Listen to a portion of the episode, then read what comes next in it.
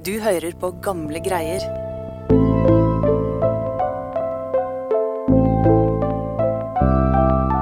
I 1943 fikk den norske motstandsbevegelsen på Vestlandet et tips om en mulig avhopper fra tyskernes rekker.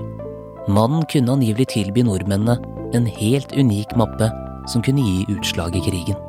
Men jo mer de fikk vite om hva som skulle ligge i mappen, jo mer fryktet flere i motstandsnettverket at det hele var en felle. Det ble starten på en nervepirrende og dramatisk etterretningskamp ingen ante hva utfallet ville bli.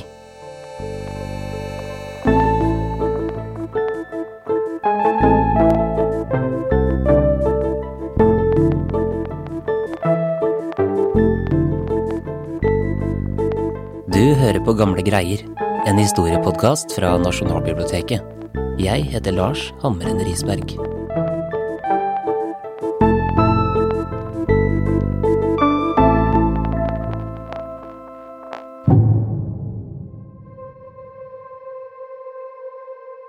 En dag i 1943 blir den norske motstandsmannen Arne Randers Heen kontakta av en person som viste seg å være veldig interessant. Mannen var en estlender som jobba for tyskerne, og han heter Harry Raidna. Anders Kvernberg, spesialbibliotekar ved Kartsenteret på Nasjonalbiblioteket. Harry fortalte at han eh, vurderte å bytte side, og at han kanskje kunne hjelpe den norske motstandsbevegelsen med opplysninger som overgikk deres villeste fantasier.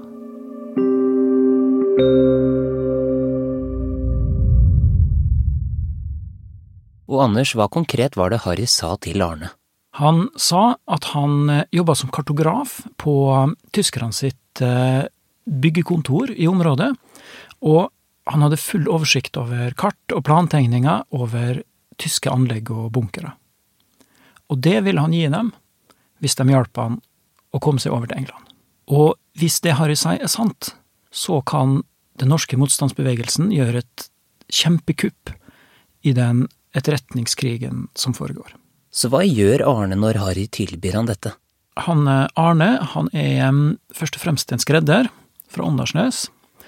Han er en kjent fjellklatrer, og um, han har kun litt med den norske motstandsbevegelsen å gjøre.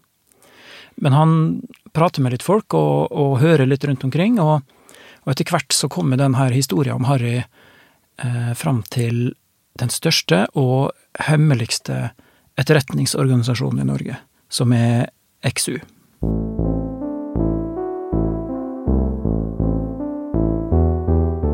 Utdyp mer om eh, hvem XU er, Anders. XU er um, den norske regjeringa i London sin hemmelige etterretningsorganisasjon i Norge. De, um, de har folk overalt, eh, til og med i Quisling sin innerste sirkel.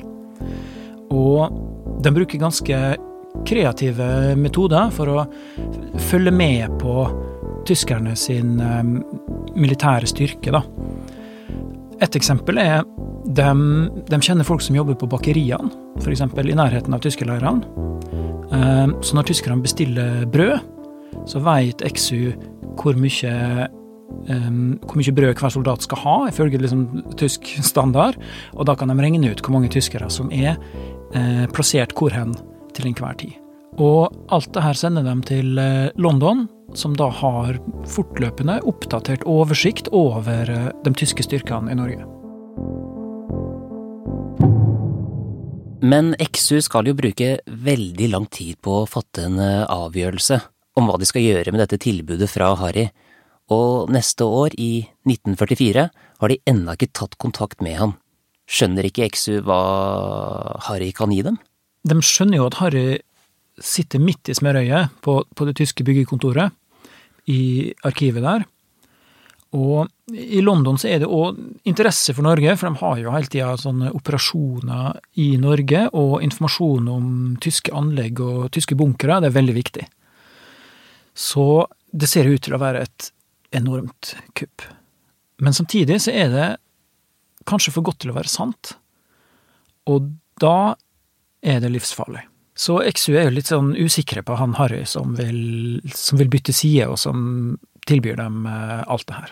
De må jo først vurdere troverdigheten til Harry veldig nøye, og passe på at det ikke er felle.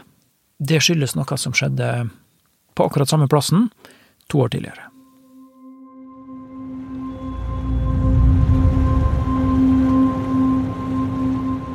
I 1942 så kom det en ukjent mann med rutebåten til Molde. Han oppsøkte motstandsbevegelsen. Han ville bli med og hjelpe landet sitt mot uh, tyskerne.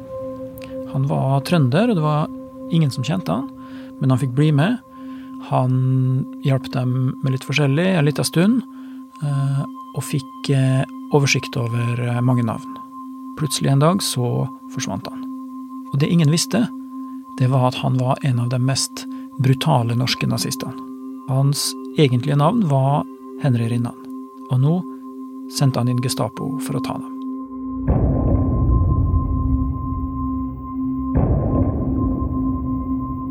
Hele organisasjonen i Molde ble rulla opp. 35 mennesker ble tatt av Gestapo.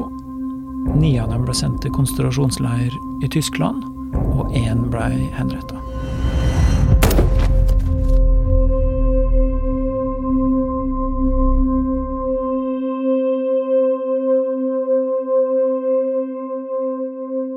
Med ei sånn erfaring så er det jo god grunn til at XU er usikre. Og jeg skjønner det jo godt når vi ser tilbake på det òg, fordi til og med i dag så veit vi jo ikke egentlig 100% hva som var bakgrunnshistoria til Harry, og, og hvordan han havna i tysk tjeneste. Så for dem den gangen, som, som visste enda mindre enn oss, så er det jo selvfølgelig ikke noe enkel eh, avgjørelse. Absolutt, det er jo mye som eh, står på spill her, og diskusjonen fortsetter internt, men til slutt velger Eksu å ta sjansen, og takker ja til å se mappen til eh, Harry. Ja, det er jo en, en spesiell situasjon som de ikke kan la være å, å undersøke nærmere, men de kan ikke snakke direkte med han som jobber på det tyske kontoret. Det, det er altfor risikabelt. Så da avtaler de eh, med Arne at han skal gi dem noen av kartene, så de kan vurdere situasjonene. Hvis det viser seg at eh, kartene er ekte, og, og ikke minst at Harry er pålitelig, så kan de vurdere å smugle han ut av Norge. Og da tar XU en avgjørelse, og på våren i 1944 så avtaler de at Arne skal komme inn til byen og levere ei mappe med kart på kaia i Molde.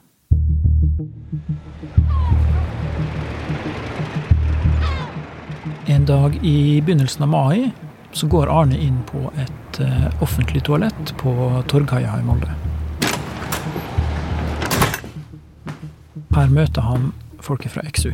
Når de har fått mappa trygt i hus, så er de veldig spent på hva det her er for noe. Men når de åpner pakka, så ser XU at innholdet overgår all fantasi. Her er en stor fangst. Det er ikke bare noen få kart, det er alle kartene over alle tyske stillingene i Midt-Norge. Og her står det antall kanoner, kaliber på kanonene, bemanning, hvor mange piggtrådgjerder som er satt rundt, tjukkelse på bunkerbetongen, alt sammen. XU har fått alle detaljer. Og med den store fangsten så skal da Harry fraktes til England? Ja, det, det, var jo avtalen. Men nå har de jo fått tak i alle kartene. Og hvis Harry er en uh, rinnan, da, så kan de jo ikke få se innsida av smuglernettverket deres. Så da finner XU på noe litt uh, sleipt.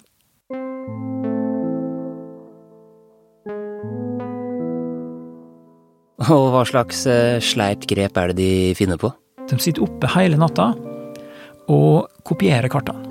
Og sender kopiene rett til London. Neste dag så leverer de kartene tilbake til Arne, så sier de at eh, dessverre, det var ikke interessant. Det her har vi ikke bruk for. Og da har de fått seg topphemmelig informasjon fra fienden uten å ta noen større risiko. Og så kutter de all kontakt med Harry, og nå sitter han igjen med svarteper og, og kom seg ikke til England. Dette trekket som XY gjorde, Anders, var jo ganske smart, da, i tilfelle det skulle vise seg at uh, Harry var en del av en stor uh, kontraspionasje. Men så kom nettopp Harry med en tilleggsopplysning i etterkant som gjorde XYs uh, fangst langt mindre verdifull. Hva er det han forteller? Han forteller at alle bunkerne på kartene kan kamufleres, sånn at de blir usynlige fra lufta. Usynlige for fly. Og da hjelper ikke de kartene så mye likevel. Men nå er det Harry som finner på noe lurt, for han har et ess i ermet.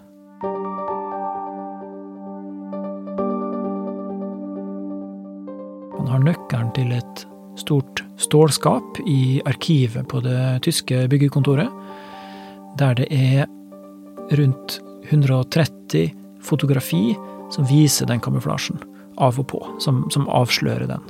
Og da er Harry plutselig enda mer verdifull enn alle kartene som har blitt sendt til London. Og de fotografiene, dem kan han ikke, eller vil han ikke kanskje, låne ut. Han må stjele originalene. Men hvis han tar med seg dem, så kan ikke han gå tilbake på jobb neste dag. Da må XU hjelpe han ut av landet. XU må nå ta et vanskelig valg. Å ta imot fotografiene fra Harry betyr at de må mobilisere en større operasjon som skal pågå i flere dager, og som vil involvere flere agenter for å få han fraktet ut av landet. XU bruker mye tid på å diskutere hva de skal gjøre. XU på Vestlandet spør ledelsen i Oslo, som spør ledelsen i Stockholm, som går helt til topps i London for å få råd. Kritikerne er tydelige på at dette minner mer og mer om kontraspionasje fra tysk side som de er i ferd med å bli lurt inn i. På tross av dette er fristelsen for å få disse fotografiene stor, men XU vet for lite om Harry til at de våger å ta den sjansen helt ennå. Derfor bestemmer de seg for å være enda mer på offensiven, for å få avklart om Harry er en dobbeltagent så fort som mulig.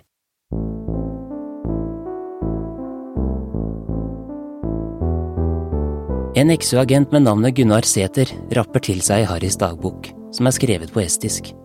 Men det er ikke en sjel i Molde som kan estisk. Dermed tar agenten med seg dagboka på toget til Oslo og drar til universitetet, og får en som kan estisk, til å oversette alle sidene.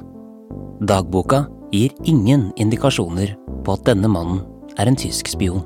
I stedet får flere i motstandsnettverket langt større sympati med mannen fra Estland jo mer eh, informasjon de finner om Harry, eh, jo mer forstår de at eh, det her er sannsynligvis en desperat mann som vil komme seg vekk. Så hvem er egentlig Harry? Hva slags bakgrunnshistorie er det de nå oppdager? Han har tydeligvis fortalt litt forskjellige ting til litt forskjellige folk, og det finnes flere versjoner av, av hvem han var, men det vi veit, er at han var født i Estland i 1921. Han vokste opp i en uh, fin familie, utdannet seg til ingeniør. Fremtida så sannsynligvis lys ut, men så skjedde det noe i 1940 som forandra alt. I 1940 blei Estland angrepet av Sovjetunionen og okkupert. Og flere av dem som bodde der, blei stempla som kapitalister og fratatt alt de eide. Og i en versjon av historia så hadde Harry sin far eh, et firma. Og hvis det stemmer, så er det jo ikke utenkelig at hans familie var en av dem.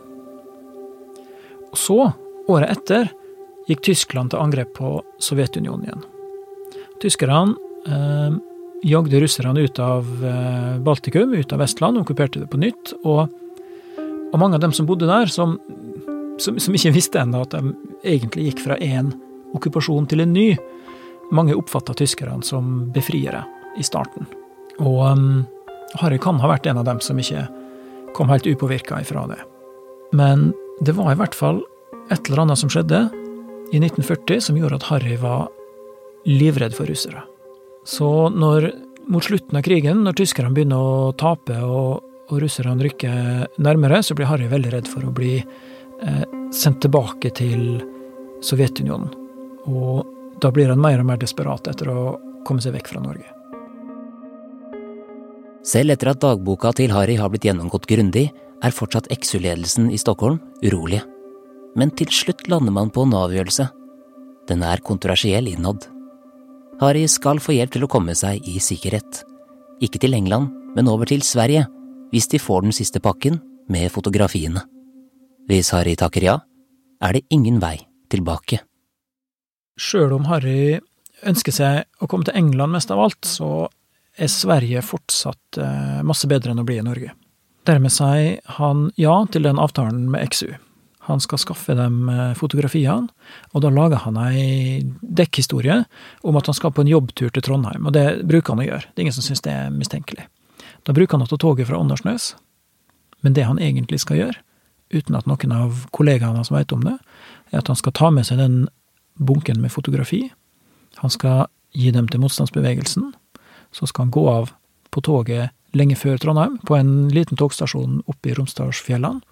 Og der skal han møte en XU-agent som skal hjelpe han over grensa til Sverige. Og den 13. august, tidlig på morgenen, inne på det tyske byggekontoret på Åndalsnes, så starter Harry hele operasjonen. Harry sniker seg inn på det lille, mørke arkivrommet, låser opp et stort stålskap, stjeler de 130 fotografiene og forlater området. Så leverer han mappen til Leksu. I bytte får Harry en koffert av Anne Randerskien, som inneholder turklær og et falskt norsk pass. Så begynner han å sykle til togstasjonen, men allerede her er operasjonen i ferd med å kollapse. På veien punkterer sykkelhjulet til Harry. Med livet som innsats felgekjører han alt han klarer kommer seg om bord i toget og slipper med skrekken.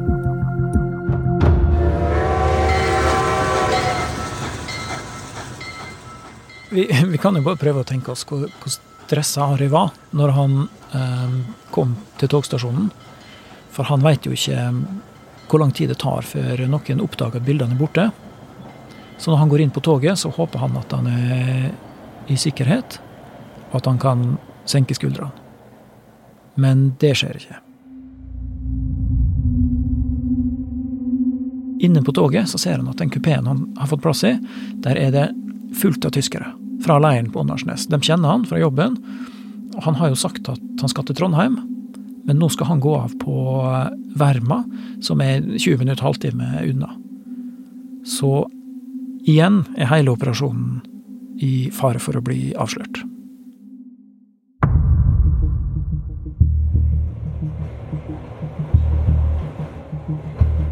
Så hva gjør Harry nå, da? Han kan jo ikke trekke seg heller. Nei, han, han, kan jo ikke det. Når han har kommet så langt, så må han jo bare gjennomføre. Han, han, han har ikke noe valg. Um, han er stressa, og han svetter, men toget nærmer seg Verma. Og like før stasjonen så er det en, det er en tunnel. Og når toget kjører inn i tunnelen, så reiser Harry seg opp, tar med seg kofferten og går inn på toalettet på toget. Han låser døra, tar av seg alle klærne og bytter til de norske sivile klærne som han har fått. Han har med seg et falskt norsk pass også, som han tar på innerlomma, og så kaster han de gamle klærne ut av vinduet inn i tunnelen like før stasjonen.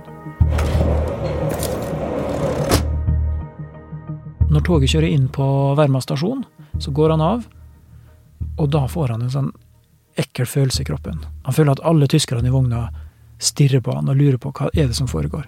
Hvorfor går han av her, og hvorfor har han kledd seg ut? Men heldigvis så er det ingen som stopper han.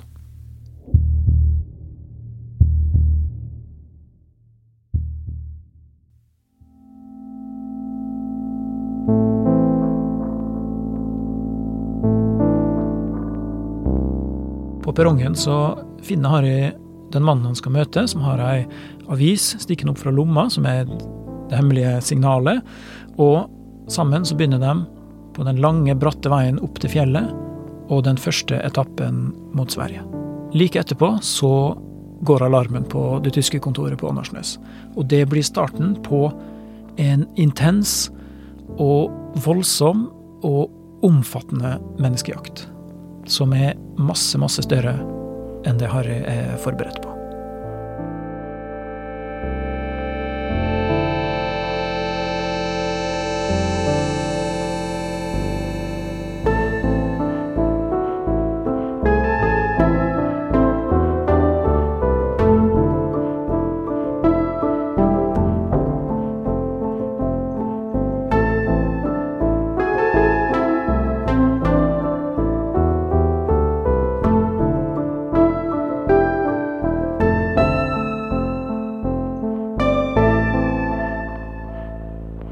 Hvordan denne jakten utspilte seg de neste dagene, og etterspillet, skal du få høre mer om i neste uke, i del to av historien om den utro tjeneren. Musikken du hørte i denne episoden, er fra Epidemic Sound og Therese Aune. Du finner mer av Thereses musikk på thereseaune.com, eller der du strømmer musikk til vanlig. Mitt navn er Lars Hammeren Risberg. På gjenhør.